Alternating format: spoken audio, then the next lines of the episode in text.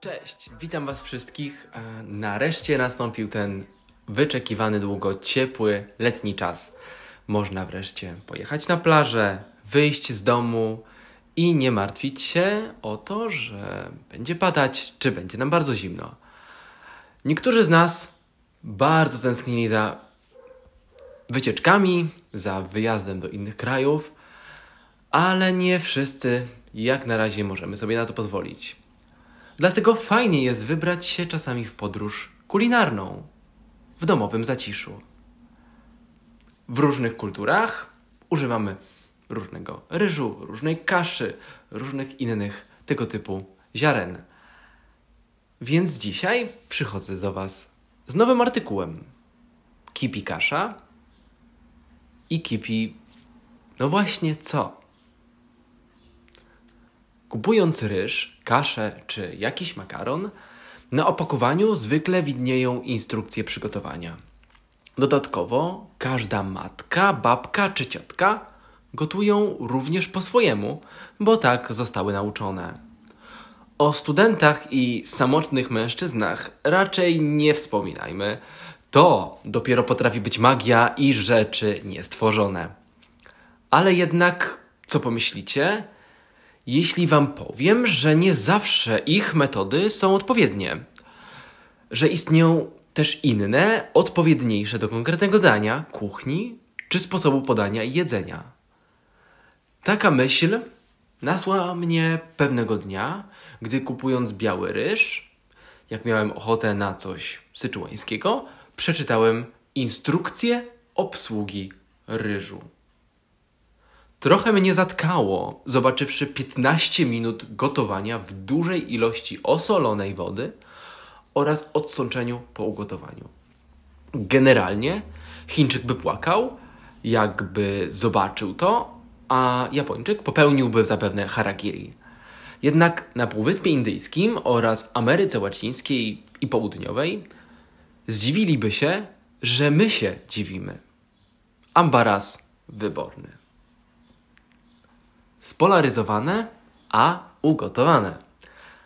Patrząc na przeróżne metody gotowania, wyróżniłem dwa bieguny: całkowita immersja i absorpcja w strumieniu. A po ludzku gotowanie w wodzie i gotowanie na parze. I tutaj zaczyna się prawdziwe czary mary. Plewa od ziaren. Każdy gatunek, jak pobieżnie wspomniałem w moim poprzednim artykule, to mój typ, ma swoją charakterystykę fizykochemiczną ziaren. Różnią się zawartością witamin, minerałów, a co najważniejsze, ilością skrobi oraz białek glutenowych, m.in. pyralamin i glutelin. Podczas obróbki ziarniaków pozbywamy się plew oraz zewnętrznej łuszczki. W pierwszym stopniu tworzymy ziarno okryte, którego przedstawicielami spożywczymi są m.in. dziki ryż, czyli tzw. Tak owies wodny, ryż brązowy i nieuskana pszenica. W kolejnym etapie ziarna są względnie czyste i niemal zupełnie pozbawione łuski. Tak uzyskaliśmy kasze łuskane, w tym białe ryże, kasze perłowe, pęczaki i tym podobne. Dalszymi etapami będzie rozdrobnienie ziarna lub jego wstępna obróbka termiczna. W ten sposób powstanie nam na przykład kasza jęczmienna wiejska, mazurska, kasza manna, a przy obróbce termicznej bulgur, ryż parboiled i prażona gryczana. Notatka na boku. Takie ziarna mogą być również przeznaczone na mąkę oraz tak, ryż to również kasza. Wracając, produktem ubocznym są niejadalne dla ludzi plewy oraz jadalne łuski i inne, tak zwane otręby. E, I znowu, nawiasem mówiąc, polecam dodawanie otrąb do posiłków. Kiedy na przykład wykorzystujemy zboża otarte lub mąki niepełnoziarniste. To naprawdę bardzo dobre uzupełnienie diety. Posiadając już taką wiedzę, przechodzimy dalej. Bulbul czy puf puf? Woda versus para. Sporo osób niestety nie potrafi gotować kasz, lub co gorsza, uważa, że potrafi, a kompletnie nie ma pojęcia, co robi.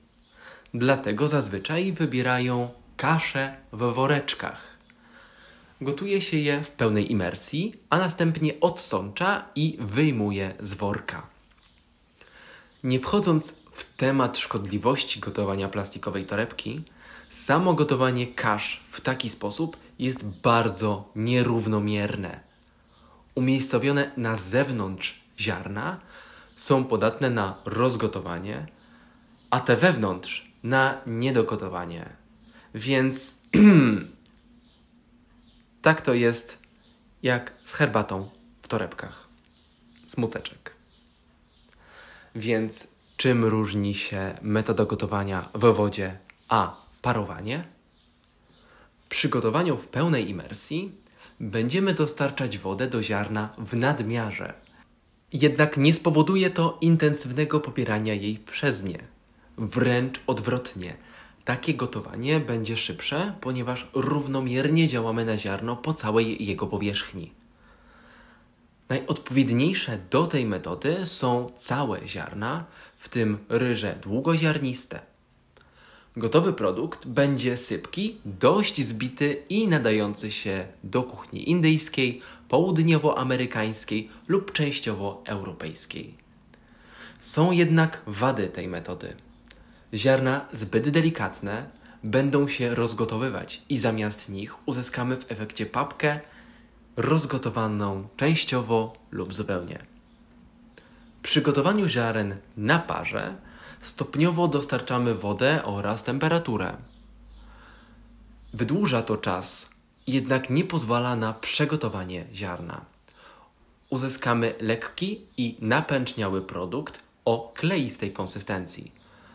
Taka metoda stosowana jest w kuchniach azjatyckich, np. tajskiej, wietnamskiej czy południowo-chińskiej. Problemem tutaj będą ziarna długie.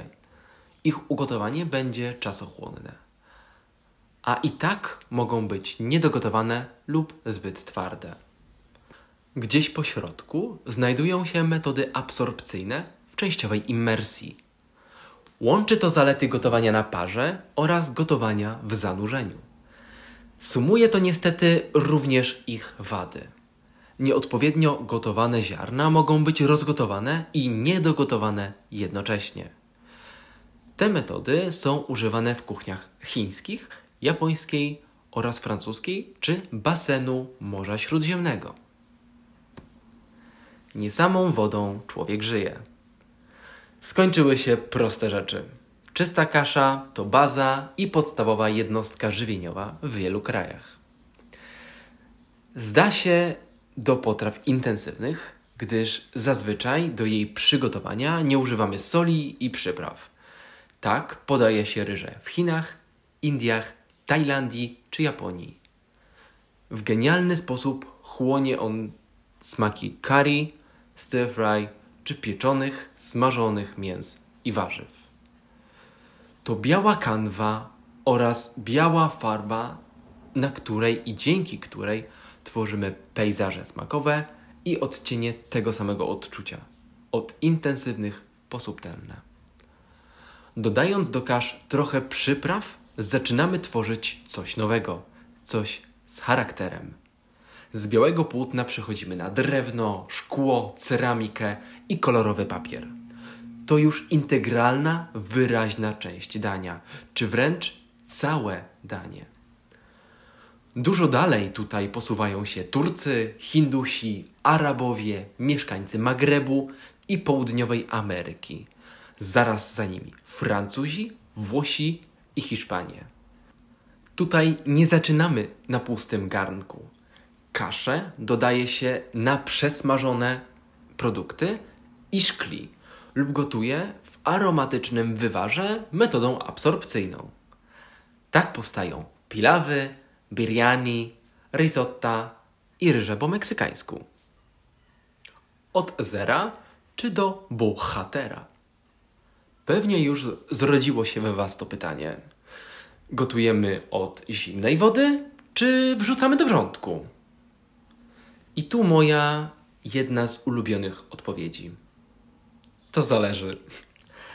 Jak zawsze jest to uwarunkowane produktem, jego gatunkiem, typem, stylem, stopniem rozdrobnienia czy potrawą i kuchnią, do jakiej będziemy go używać. Postaram się to ubrać w proste słowa i nakreślić logiczny schemat. Od zimnej wody zawsze będzie to powolniejsze gotowanie.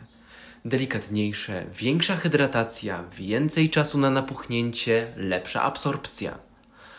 Pozwalamy wodzie wejść w strukturę ziarna. Zmuszamy białka do powolnego rozwijania się, denaturacji.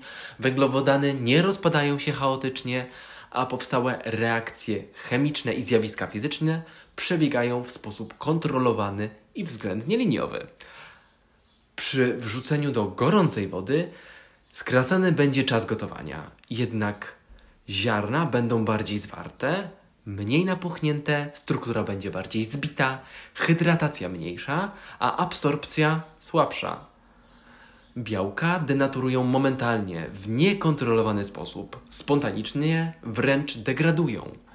Wystąpi efekt sparzenia. Ziarna zamkną się powłoką ze zdenaturowanych białek oraz degradujących węglowodanów. To bariera dla wody. Takie suche ziarna mogą brzmieć niesmacznie i wydadzą się z opisu nie do zjedzenia. Błędne przekonanie. Tak ugotowane perfekcyjnie chłoną sosy. Wszelakie potrawki, mole, kuskus, curry, a nawet tajski gang.